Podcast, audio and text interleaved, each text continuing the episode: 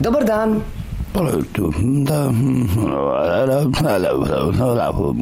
Molim? Nisam invalid, nego sam osoba sa invaliditetom. Šta? Nisam ciganka, nego sam romkinja. Iako vas baš zanima, da, sam ohrana, sam majka i imam partnericu. I na vaše veliko čuđenje, da, imam diplomu. Diplomirala sam pravo i ne, nisam pripadnica ni jedne političke partije. Šta šta hoću? Hoću da se kandidujem za predsjedništvo Bosne i Hercegovine. Demokratija je sloboda, brate. Da, da budeš slobodan kad smo svi jednaki. E, to je demokratija. I stvarno uvijek u čudu stojim pred tim pitanjem dok gledam oko sebe svijet prepun nepravde i u još većem čudu se pitam kako je moguće da su oni koji su neuporedivo brojniji od onih koji uražavaju čovjeka tako tihi i bez reakcija. No ja nisam. Dok slušate, zamišljajte da se derem, da vrištim svaku izgovorenu riječ i da moji sagovornici također prelaze dozvoljene granice nivoa glasnoće. Ja sam Lila Omeregić Ćatić, a u ovom brištećem izdanju podcasta ZIP za viri ispod površine propitujem poštivanje ljudskih prava. Europski sud za ljudska prava je u četiri odvojene presude ocijenio da je Ustav BiH praktično diskriminatoran prema svim građanima i građankama ove zemlje. 395 presuda protiv BiH je do 1. decembra donio taj sud, po tužbama pojedinaca ili grupa. I država ih ni nakon više od 10 godina nije provela u praksi. Izabrani vlastodržci diplomatskim skandalima i u prepucavanju sa zvaničnicima regionalnih i svjetskih zemalja ubjeđuju nas da čuvaju državu, zaboravljajući da baš i nismo svi ovce, te da se država brani tek onda kad u njoj postoji vladavina prava. od koga Predugo bi bilo da čitam Ustav BiH i objašnjavam političko uređenje, čak i oni koji vode državu stalno imaju prepirke šta u tom Ustavu piše i vrlo rado ga zloupotrebljavaju. Pa su tako u prvom planu već 25 godina samo tri konstitutivna naroda, Bošnjaci, Srbi i Hrvati, ostali logično nisu tu. Ali i ta papagajski ponavljana konstitutivnost i manipulacija u kojoj su ljudi sa svojim životnim potrebama ostali samo puka statistika.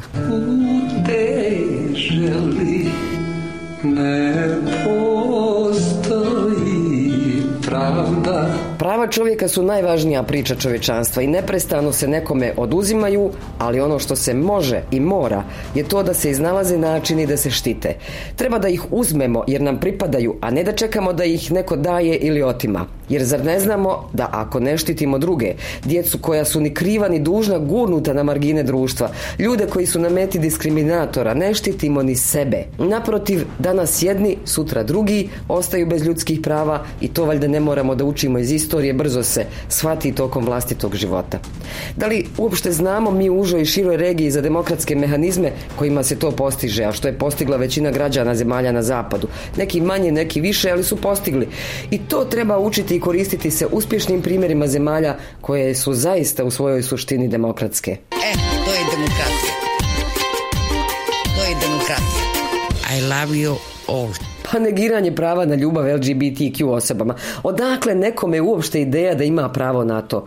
Jer je u pitanju osnovno ljubav i sloboda. Ali jao, čak i u Europskoj uniji postoje države koje ne samo da ne štite ljudska prava, nego ih narušavaju. Neke, poput ovih naših, samo se deklarativno zalažu kako bi se primakli europskim standardima i to pod pritiskom međunarodne zajednice.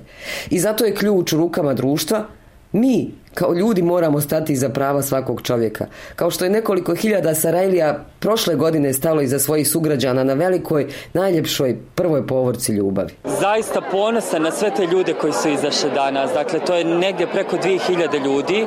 Sarajevo onako kakvo, kakvo ga ja zapravo uvijek doživljavam. Ma kakvo društvo da je bilo, ma kakvo da, da gledamo na, na taj konzervatizam i na skučenost. Za mene je zapravo ovo prava slika Sarajeva. Dakle, ispunjena ljubavlju i sa puno tolerancije i sa puno različitosti. To je rekao umjetnik Božo Vreću koji je bio dio Sarajevske parade ponosa. I prekratak je život da bismo ga proveli skupljajući razbijene komadiće slobode svojih i tuđih prava. I prekratak je da bismo ga provodili u mržnji, netoleranciji i predrasudama jer...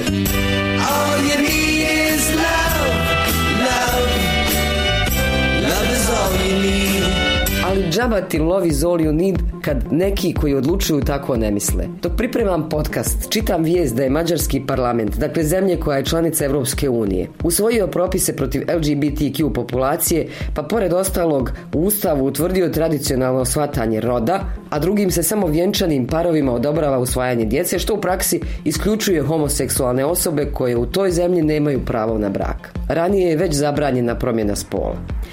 E sad, licemjerje vlasti najbolje pokazuje nedavni primjer Jožefa Sajera, najjačeg glasa konzervativnog premijera Viktora Orbana u Europskom parlamentu, kako piše Reuters, čije je prisustvo otkriveno na gej seksualnoj zabavi u Briselu. Zabava u tom gradu naravno nije prekinuta zbog toga, nego zbog prekršenih koronavirus lockdown pravila i potpuno je nevažno za ovu poruku što je on podnio ostavku i šta je ko rekao, nego to što je sa svojom strankom vodio kampanju protiv LGBTQ zajednice. I ko je taj ko sebi uzima za pravo da određuje kako nismo svi jednaki pred ovozemaljskim, ako hoćete i Božijim zakonom, jer ako se kaže da je Bog stvorio sva živa bića, pa tako i čovjeka, onda je stvorio svakoga od nas u svim našim različitostima. Na kraju krajeva, ako je on taj koji donosi konačan sud, s kojim pravom se onda petljaju samoprozvane moralne vertikale i vođe? Po čemu je to bolje da djeca život provode u domovima za djecu bez roditeljskog staranja, nego u domu dvije osobe koje će ih usvojiti i pružiti roditeljsku ljubav i porodicu, teško mogu da shvatim. Duda i Ada Sokolović su mama i kćerka, a o svojoj seksualnoj orijentaciji prvi put je Ada s mamom progovorila i dobila podršku. Za radio Slobodna Evropa jednom prilikom iznijele su svoje stavove u porodici i dijelu društva koji ima problem sa različitostima. To nisu vrijednosti. Ako vi isključujete neke ljude koji nisu takvi kao vi postavili, šta je tradicionalna porodica, recite, molim vas. U čemu je razlika između moje porodice i nečije porodice koja sebe smatra tradicionalnom? preko 30 godina u braku sam, imamo i, i suprug i ja podržavamo svoje dijete i njenu seksualnu orijentaciju. U čemu je problem? Koja je razlika između nas i njih? Mislim, ja, ja ne razumijem. Mislim da je, da je sve manipulacija. Ono što je bitno u porodcu, a ja mislim i ostalo i okolini, je što kod nas je problem primarnog identiteta koji se uvijek identifikuje sa nacijom, religijom ili seksualnom orijentacijom. Dakle, to je sve nešto što nas odvaja, što je meni jako problematično. Ja kad, sam, kad upoznam nekog novog, ja kažem, majke, nemoj me pitati, ni koje sam vjerije, ni nacije, ni seksualne orijentacije, pitaj me što radi, pitaj me što volim, kakvu muziku slušam, koji mi je hobi, to. Today and tomorrow, I still have a dream.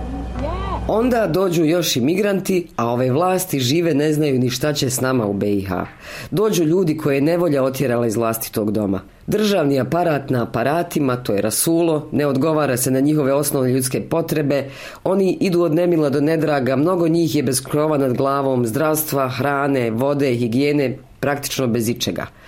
Urednica magazina Kosovo 2.0 Nidžara Ahmetašević dugo se bavi pitanjima ljudskih prava, a od 2015. prati balkansku rutu i kršenje ljudskih prava ovih osoba prisiljenih na migracije. Ljudska prava migranata u Bosni i Hercegovini i generalno u Europi u ovom trenutku se krše na tom nivou da je jako teško nabrojati koja sve prava ovih ljudi, jer moram podsjetiti ovo su ljudi koji se kreću, e, su prekršena. Ono što e, ja smatram najbolnijim i najtežim je što se vrši potpuna dehumanizacija, gdje samo govorimo o migrantima i ja imam nekad osjećaj da ljudi koriste samo ta izrazi da, da ne vide da iza toga stoji čovjek dijete, osoba koja iz bilo kojeg razloga je napustila svoj dom i krenula u potragu za nečim, nečim boljim, za boljim životom, koji sanja o boljem životu. Na putu ka tom snu nalaze se brojne prepreke i jedna od njih je, a ja sad moram reći da je cijela Bosna i Hercegovina prepreka. Europska unija je ostavila Bosnu i Hercegovinu u e, vrlo teškoj situaciji. Ovo je nefunkcionalna zemlja kojom upravljaju političari koji upitno je koliko zaista znaju e, i mogu raditi prema zakonu i prema onom što bi trebali da rade u ovom trenutku. E, negiraju se sva prava ovih ljudi od prava na slobodu kretanja do prava na e, smještaj, na pristup azilu, dječja prava su prekrštena, prava žena nisu ni spomenuta, ljudi su smješteni u kampove koji e, vrlo liče na logore u kojima nemaju tople vode, nemaju sapuna, nemaju dovoljno dovoljno hrane, čak nemaju dovoljno mjesta za spavanje, tako da vrlo često u ovim kampovima su prisiljene dvije osobe dijeliti jedan krevet ili su smješteni u kampovima koji su nekada bili hoteli i onda nekada u malim hotelskim sobama spava 12 i više osoba koji nisu porodica. Dakle, taj spektar e, kršenja ljudskih prava ljudi u pokretu, a ja preferiram taj izraz nad izraza e, migranti, je tako širok da naprosto ne znam e, da li mogu sve nabrojati. Jednostavno mislim da je cijela deklaracija o ljudskim pravima nestala u ovim trenucima kada je ova grupa u pitanju. Šta bi bila konkretna rješenja da, da bi se ispoštovala ljudska prava ljudi u pokretu. Da bude Mija korektna tu, e, možda bi mediji trebali da se uključe u bolje biranje izraza ne možda, nego mediji moraju da se podsjete prvo da imaju i edukativnu ulogu, naročito javni servisi, i da, mediji moraju izuzetno paziti e, e, na način kako izvještavaju, jer izvještavaju o pitanju koje se tiče ljudskih prava. E, tako ne bi smjela se koristiti ni terminologija i izrazi tipa migrantska kriza, jer kad kažete migrantska kriza vi optužujete ljude u pokretu za, za nekakvu krizu. Nisu oni krivi, krive su zatvorene granice i kriva je politika koja nije u stanju riješiti ovo što se dešava, a dešava se pokret ljudi isti onakav kakav se dešava u toku proteklih vijekova i vijekova civilizacija je nastala. Bosna i Hercegovina je zemlja migranata i migracija. Ono što čini Bosnu i Hercegovinu tako lijepom, tako bogatom, su svi ti ljudi koji su došli i ostavljali nam ili, ili su ostajali s nama ili su ostavljali mrvice ili veće komade svoje kulture i tako je nastala ona lijepa Bosna i Hercegovina. Šta se može uraditi? Pa sjetimo se toga, koristimo zdravu logiku, ali ono što je najvažnije, a na što Bosna i Hercegovina apsolutno ne može utjecati, to je stvar u rukama Europske unije, je otvoriti granice i pustiti slobodan protok ljudi da žive onako kako zaslužuju kao ljudi. Pa onda hoćemo li dalje? Uplitanje u odlučivanje žena o pravu na rađanje, pravu na abortus. Nevjerovatno suludo zvuči da neke države tako oporobljavaju ženu i raspolažu njenim tijelom. I to države koje su dio Europske unije kao što je Poljska na primjer ima ih možda još u okruženju koje bi rado ali se ne usuđuju. U Bosni i Hercegovini nema takvih naznaka, ali zato ima drugih kršenja prava, za koje se više smatra da su postojeći društveni stereotipi kada ih se prilikom zapošljavanja ispituje da li su udate, imaju li djecu, malu ili veliku.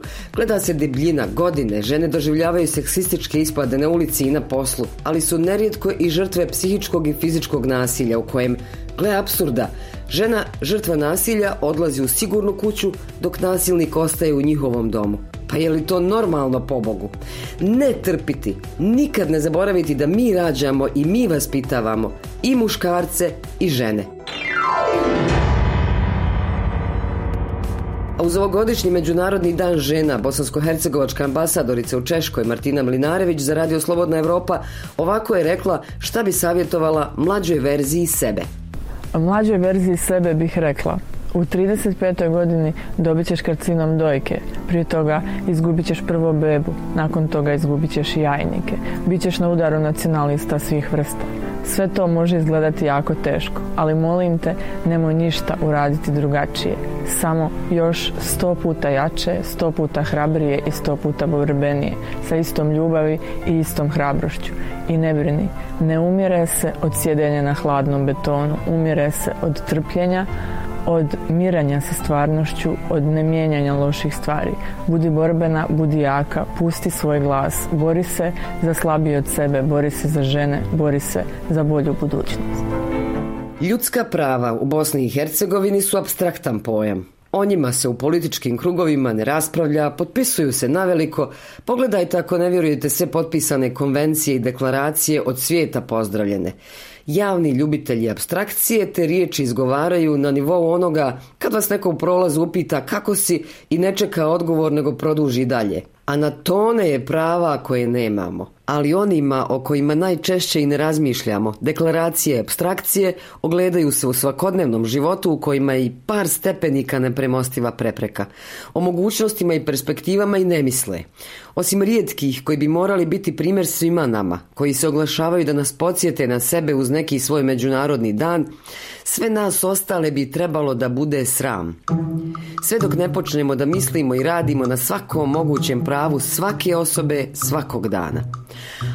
Ana Kotur-Erkić, pravnica i aktivistica za ljudska prava u pokretu osoba sa invaliditetom, detektuje probleme. Ako govorimo o, o 2020. zapravo se dešava urušavanje dostignutog nivoa e, prava osoba s invaliditetom. Dakle, sve ono što je do sad bilo nekako i dostupno osobama s invaliditetom, sad više e, i nije.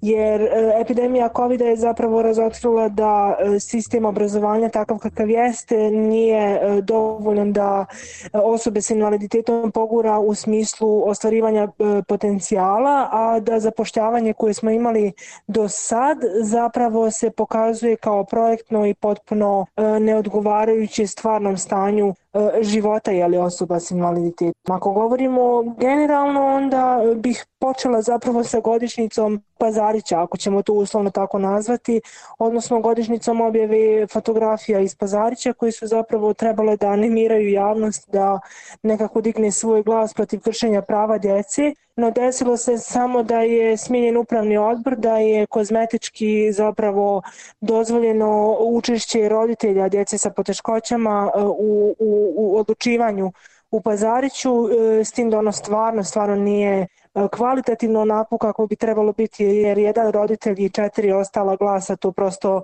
nije ravnopravnost i desilo se zapravo da sistem nije e, doživio transformaciju onako kako bi trebalo da doživi transformaciju. Dakle, nismo otišli od prema deinstitucionalizaciji onako kako se to trebalo desiti. E, mene lično najviše pogađa zapravo nemogućnost zapošljavanja osoba s invaliditetom, pogotovo u kontekstu toga da e, dvije ključne institucije u državi čiji bi primarni posao trebala biti zaštita ljudskih prava, u ovom slučaju e, Ministarstvo za ljudska prava i izbjeglice i Ombudsman za ljudska prava Bosne i Hercegovine, evo na primjer nemaju zaposlenu osobu s invaliditetom. To nekako najviše govori o tome koliko osobe s invaliditetom nisu u poziciji da odlučuju o stvarima koje ih se tiču. Ja bih samo još negdje podvukla da smo zapravo e, možda i doživjeli e, potpuno ogoljavanje e, situacije da 3.12. kad je Međunarodni dan osoba s invaliditetom, svi smo deklarativno za prava osoba s invaliditetom, na 10.12. kad je Međunarodni dan ljudskih prava, zapravo osobe s invaliditetom nisu vidljive kao ljudi. Dakle, imamo situaciju jesu li osobe s invaliditetom ipak ljudi. Šta društvo može da uradi po ovom pitanju mediji, kakav je vaš stav o reakcijama Ove godine je definitivno došlo do jednog pogoršanja e, stava javnosti generalno prema osobama s invaliditetom i tu su prednjačili prije svega nositelji visokih funkcija u, u zajednici koji su se koristili nepravilnom, odnosno potpuno pogrešnom, pogrdnom terminologijom osobama s invaliditetom i bojim se da zapravo moramo početi posao iz početka učenja šta znači dostojanstvo osoba s invaliditetom, odnosno dostojanstvo svakog čovjeka i šta zapravo znači jednako učešće osoba s invaliditetom. Što se tiče društva u meni mislim da će se desiti da će situacije u kojima je osobama s invaliditetom potrebna dodatna e, podrška zapravo e, negdje postati marginalne, odnosno da ćemo u, u, u hitnosti situacija koji će slijediti nakon epidemije COVID-19 zapravo ostati negdje ispod radara. E, na nekom personalnom planu mislim da svako od nas može početi od toga da zapravo stane u cipele osoba s invaliditetom i da prosto e, svoju svijest modifikuje u skladu sa tim. To nije nimalo jednostavno, tu treba prije svega da se riješimo e, sažaljenja kao e, neminovnog pratitelja zapravo situacije, ali je i tekako moguće i vrlo je lični izbor da li ćemo to uraditi. To su nekako, ja bih rekla, i rješenja da bi se u budućnosti ljudska prava osoba sa invaliditetom ispoštovala do kraja. Da, mi se prije svega moramo osjetiti da su ljudska prava prvo prava pojedinaca, jer je zapravo ključ bio u e, tome što je civilizacija u nekim segmentima svog razvoja zapravo doživljavala takve sunovrate da je bilo neophodno vratiti sve nas na kolosijek onoga da je svaki čovjek e, prosto jednako važan i da svi mi imamo jednaka prava. Nažalost se mora dijeliti na ljudska prava e, osoba sa invaliditetom ne znam, ja ljudska prava djece, na ljudska prava žena. Meni je to kao u onom filmu ovaj, kad glumac kaže, to je sad jedan od ovih starih domaćih filmova, ali muškarci su ljudi, mislim, e, bukvalno je ta situacija i žene su ljudi i osobe s invaliditetom su ljudi i djeca s poteškoćama su ljudi, mislim, prosto e, to tako isprazno zvuči kad se izgovori jer prosto e, sama sebi ne mogu nekada povjerujem da moram da objašnjavam stvarno na toj razini da, da, da ljudi ne žele, ne mogu ili ne vide prosto koliko je to važno. Možda je potrebno malo više solidarnosti i empatije. Empatije prije svega. Da, da. Mi empatiju miješamo vrlo često sa sažaljenjima, tu su potpuno dva različita pojma i, i, jedan znači sačuvati dostojanstvo, drugi znači prosto poništiti osobu kao ljudsko biće i vidjeti samo neku njenu totalno marginalnu i perifernu kategoriju i, i, i osobinu koja zapravo ne znači ništa u konačnici. U škole se uvodi inkluzivna nastava, pri čemu nisu obezbijeđeni osnovni uslovi za funkcionisanje te nastave u praksi, naročito u manjim sredinama. Možemo dalje da zamišljamo rad nastavnika bez asistenta, roditelja koji u učionici ulozi asistenta, a ako je u učionici onda nije na poslu jer ni ne može da ga ima, a ako ga nema, od čega žive, znači od mizernog socijalnog davanja ako ga ima. Da idemo korak dalje, pandemija i online nastava. Gdje su dječja prava u Bosni i Hercegovini, naročito one djece koje je država gurnula na margine društva skupa s njihovim roditeljima? Zašto djeca nisu prioritet predizbornih kampanja i vlasti? Zašto nisu prioritet društva na izborima? Šta mi možemo učiniti da zaštitimo njihova prava i da im svijet u koji smo ih doveli učinimo boljim? Šta mogu mediji? O tome pored ostalog govori Nineta Popović, voditeljica odjela komunikacija za razvoj UNICEF u Bosni i Hercegovini. Nineta, kada je Bosna i Hercegovina u pitanju, e, gdje se konkretno narušavaju dječja prava, koje su kategorije djece najugroženije? U Bosni i Hercegovini glavni uzrok e, narušavanja dječjih prava je e, prvenstveno siromaštvo djece koje se recimo e, za pet godina popelo za cijelih 5%. Siromaštvo djece znači siromaštvo roditelja, odnosno uskraćenost djece za sva ona prava koja su im garantovana po konvenciji o pravima djece. Kako bi se prevazišlo to siromaštvo djece, neophodno bi bilo ujednačiti socijalna davanja e, prema djeci, međutim to recimo u Federaciji Bosne i Hercegovine nije slučaj, ne postoje ujednačena socijalna davanja, a neki kantoni čak e, uopće ne izdvajaju sredstva e, kojima bi se unaprijedili životi djece. Također, kada je u pitanju obrazovanje, govorimo o posebno ugroženim kategorijama djece, kao na primjer Romima. Prema posljednjim podacima, samo 69 posto njih pohađa osnovno, a samo 23% srednjoškolsko obrazovanje. Samim tim, zbog te uskraćenosti za obrazovanje, djeca Romi stalno ostaju u tom začaranom krugu siromaštva jer poslije nisu u stanju naći dobre poslove, možemo govoriti o, o ranim brakovima te djece, tako da je to nešto e, na čemu bi hitno, hitno država trebala uh, poraditi kako bi se taj krug siromaštva uh, prekinuo. Isto tako, ako govorimo o djeci sa teškoćama u razvoju, manje od 2% djece sa teškoćama u razvoju pohađa predškolsko obrazovanje. To je zaista e, nedopustivo mali broj jer dokazano je koliko predškolsko obrazovanje e, doprinosi kasnijim uspjesima i ishodima e, učenju. Tako da je to, to su nekako u Bosni i Hercegovini inače najniža stopa pohađanja predškolskog obrazovanja u Europi. Smatra se da negdje samo četvrtina djece uzrasta od 3 do 6 godina pohađa predškolsko obrazovanje i to najčešće zbog zbog toga što im e, institucije predškolskog obrazovanja nisu dostupne ili zbog toga što roditelji e, to ne mogu da e, priušte. Kada govorimo o nasilju nad djecom, postoje podaci da je blizu petina djece, barem jednom tokom života iskusila seksualno nasilje, a isto tako više od pola djece uzrasta od 2 do 14 godina, barem jednom tokom života u svojim porodicama iskusili su nasilan metod odgoja. Možemo također govoriti o preko 3000 djece koja se svake godine nađu iz bilo kog razloga pred sudovima, a također poznato nam je da institucije pravosuđa e, ne poštuju uvijek najbolji interes djeteta. I onda imamo naravno i poštivanje prava djece u medijima, odnosno nepoštivanje, što je cijela jedna priča o kojoj bi se moglo e, napraviti posebna emisija. Djeca ne mogu štititi svoja ljudska prava, ali su tu roditelji, tu je društvo, tu je država e, i mediji, naravno malo prije ste pomenuli medije. E, šta bi bilo rješenje ako uzmemo cjelokupnu situaciju, imate li neki odgovor na to? Prva stvar koja je zaista neophodna jeste postojanje političke volje. E, nije uvijek stvar e, nedostatka sredstava u budžetima. Sredstva u budžetima se mogu preusmjeriti ukoliko postoji volja. A volja mora postojati e, ukoliko ste to obećali svojim biračima. Tako da i ono o čemu smo malo prije govorili, očekivanja stanovništva od onih koji donose odluke trebaju biti usmjerena u to kako odgovoriti na potrebe djece i kako ispuniti prava djece. Mi tokom predizbornih kampanja vrlo rijetko čujemo e, da se govori o tome e, gdje su naša djeca i gdje će biti za narednih nekoliko godina.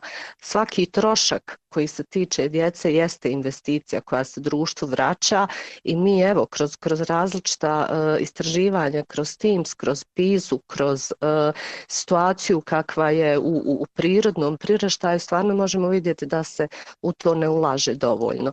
Dakle, e, svi i svaki pojedinac u ovoj državi treba promijeniti način na, na koji razmišlja, postaviti prioritete i, i, i tek onda djelovati. Kako pojačati svijest kod roditelja da imaju tu moć da traže, zahtijevaju da se djeca stave u prvi plan? Pa jedino što, što možemo u ovom trenutku e, ponuditi jesu neki dobri primjeri, jer e, postoje roditelji, postoje grupe roditelja, a ja moram istaknuti ovom prilikom roditelje djece sa poteškoćama koji su vrlo dobro organizovani. Oni vrše vrlo jak pritisak na one koji donose odluke, nekad s više, nekad s manje uspjeha, ali nema razloga dakle da se e, svi roditelji na taj način ne ugledaju na njih postoje dakle mehanizmi, postoje vijeća roditelja kada su pitanje djeca koja idu u škole.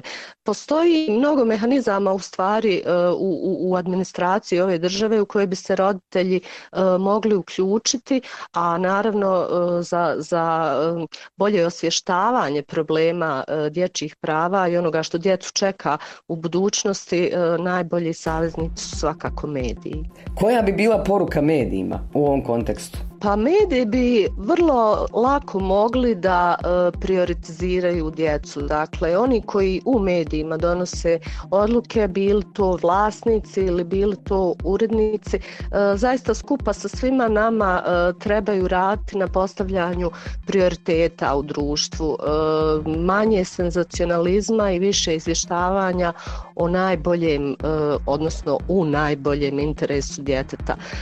Mi smo tu dostupni da pomognemo na svaki mogući način. E, postoje fantastični primjeri medijskih e, radova kada su se neke pojedinačne priče prvo otkrile e, pa se onda i reagovalo jer ljudi ne mogu reagovati ukoliko ne znaju. Dakle, ako već radimo na tim pojedinačnim pričama možemo raditi i sa, i sa većim grupama djece i sa onako širim kršenjima prava djece jer priča je uvijek aktuelna dok je u medijima. Kad više nije onda svi zaborave na nju.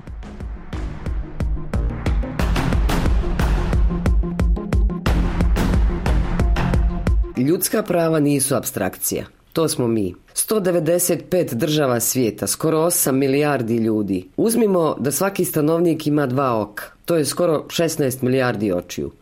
Skoro svako od nas ovog trenutka gleda u druge ljude i prima neke vanjske podražaje. Ne bih se usudila da ocjenjujem koliko milijardi ljudi gleda, a ne vidi. Ali sam skoro sigurna da je najveći broj onih koji gledaju sve i svakoga, samo nikada u sebe. Da li bi svijet bio bolji kada bismo svi mi svakog dana tako oslušnuli sebe? Sigurna sam da bi. Da li bi bio bolji kada bismo svi mi svakog dana samo s malo više interesovanja i pažnje saslušali druge, ali to dolazi tek nakon što sa sobom raščistimo sve to. 195 država svijeta, skoro 8 milijardi ljudi. Uzmimo da svaki stanovnik ima dvije ruke. To je skoro 16 milijardi ruku. ruku srce, baby. Bio je to podcast ZIP za viri ispod površine. Ja sam Leila Omeregić Ćatić, slušajte me ponovo na slobodnaevropa.org.